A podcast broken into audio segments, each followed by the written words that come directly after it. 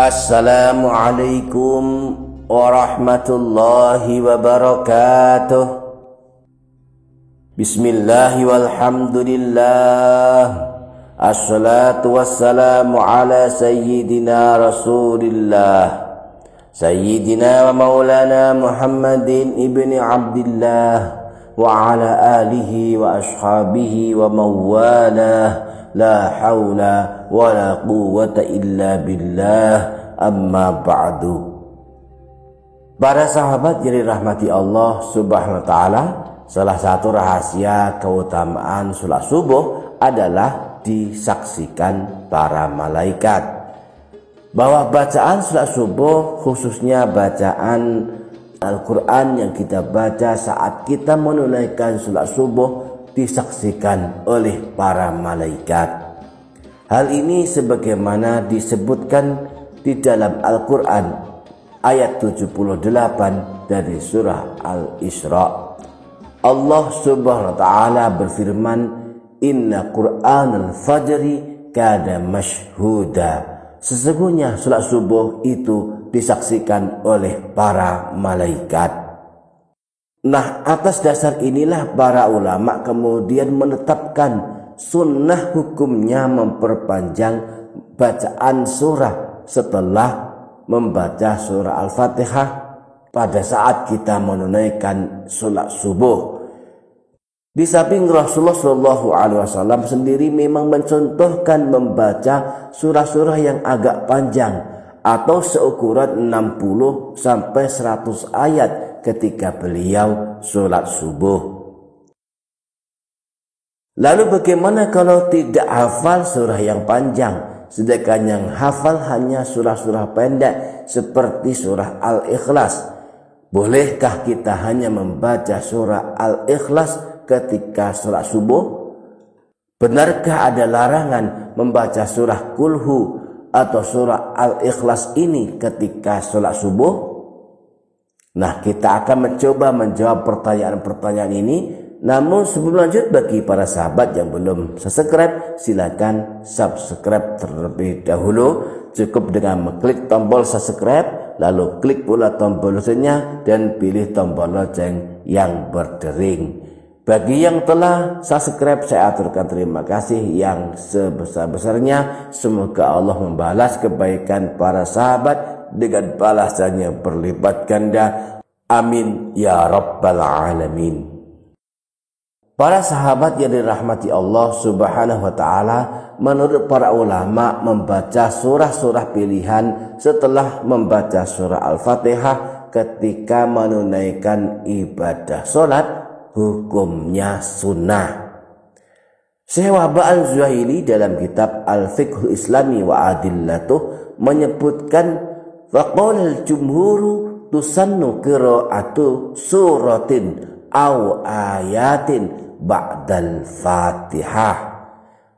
Mayoritas para ulama mengatakan bahwa disunahkan membaca surah atau ayat setelah membaca surah Al-Fatihah. Nah jelas sekali menurut para ulama karena hukumnya sunnah membaca surah pilihan setelah membaca surah Al-Fatihah ketika sholat ini maka kita boleh membaca surah apa saja atau bahkan sebuah ayat sekalipun tidak ada larangan membaca surah Al-Ikhlas tidak ada larangan membaca surah-surah pendek seperti surah Al-Ikhlas, surah Al-Falaq dan surah An-Nas ketika kita menunaikan sholat fardu subuh. Jika membaca surah-surah pendek seperti surah Al-Ikhlas tidak diperbolehkan atau dilarang dibaca ketika sholat subuh misalnya, waduh betapa kasihannya kita-kita yang tidak memiliki hafalan surah-surah yang panjang. Jangankan membaca surah pendek, tidak membaca pun sholat subuh kita tetap sah. Sebab hukumnya memang hanya sunnah saja jadi para sahabat yang tidak hafal surah-surah panjang, jangan berkecil hati apalagi sampai meninggalkan sholat subuh hanya gara-gara ada yang bilang sholat subuh tak boleh baca kulhu. Para sahabat yang dirahmati Allah subhanahu wa ta'ala Rasulullah Wasallam ketika sholat subuh setelah membaca surah Al-Fatihah memiliki pilihan surah-surah yang memiliki ayat sekitar 60 sampai 100 ayat. Misalnya surah Qaf dan surah At-Takwir. Dua surah ini memang menjadi surah pilihan Rasulullah Shallallahu Alaihi Wasallam ketika sholat subuh. Imam Ibnu Majah meriwayatkan dari Abu Barzah kana yaqra'u fil fajri ma baina sittina ila mi'ah bahwa Rasulullah Shallallahu Alaihi Wasallam ketika sholat subuh membaca sekitar 60 sampai 100 ayat. Imam Muslim meriwayatkan dari Sayyidina Jabir bin Samurah kana yaqra'u fil fajr bi qaf al-Qur'ani wa nahwiha. Rasulullah Shallallahu Alaihi Wasallam membaca surah Qaf wal Qur'anil Majid dan yang semisalnya ketika beliau menunaikan sholat subuh. Imam Nasai meriwayatkan hadis sebagai berikut an Amr ibnu Hurais qala sami'tu Nabiyya sallallahu alaihi wasallam yaqra'u fil fajri idza syamsu kuwirat diriwayatkan dari Sayyidina Amr bin Hurais beliau berkata Aku pernah mendengar baginda Nabi membaca surah Idza Syamsu Kuwirat ketika beliau sedang sholat subuh. Inilah teladan Rasulullah Shallallahu Alaihi Wasallam ketika sholat subuh membaca sekitar 60 hingga 100 ayat atau membaca surah Qaf dan surah At-Takwir. Tetapi meskipun demikian kita tetap boleh memilih surah-surah yang lain sesuai kemampuan kita. Terlebih jika kita memang tidak hafal atau belum hafal surah-surah yang lebih panjang.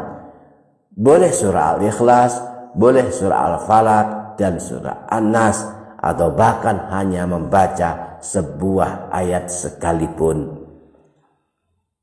Demikian semoga bermanfaat. Billahi taufiq hidayah wa wal inayah wal afu minkum Wassalamualaikum warahmatullahi wabarakatuh.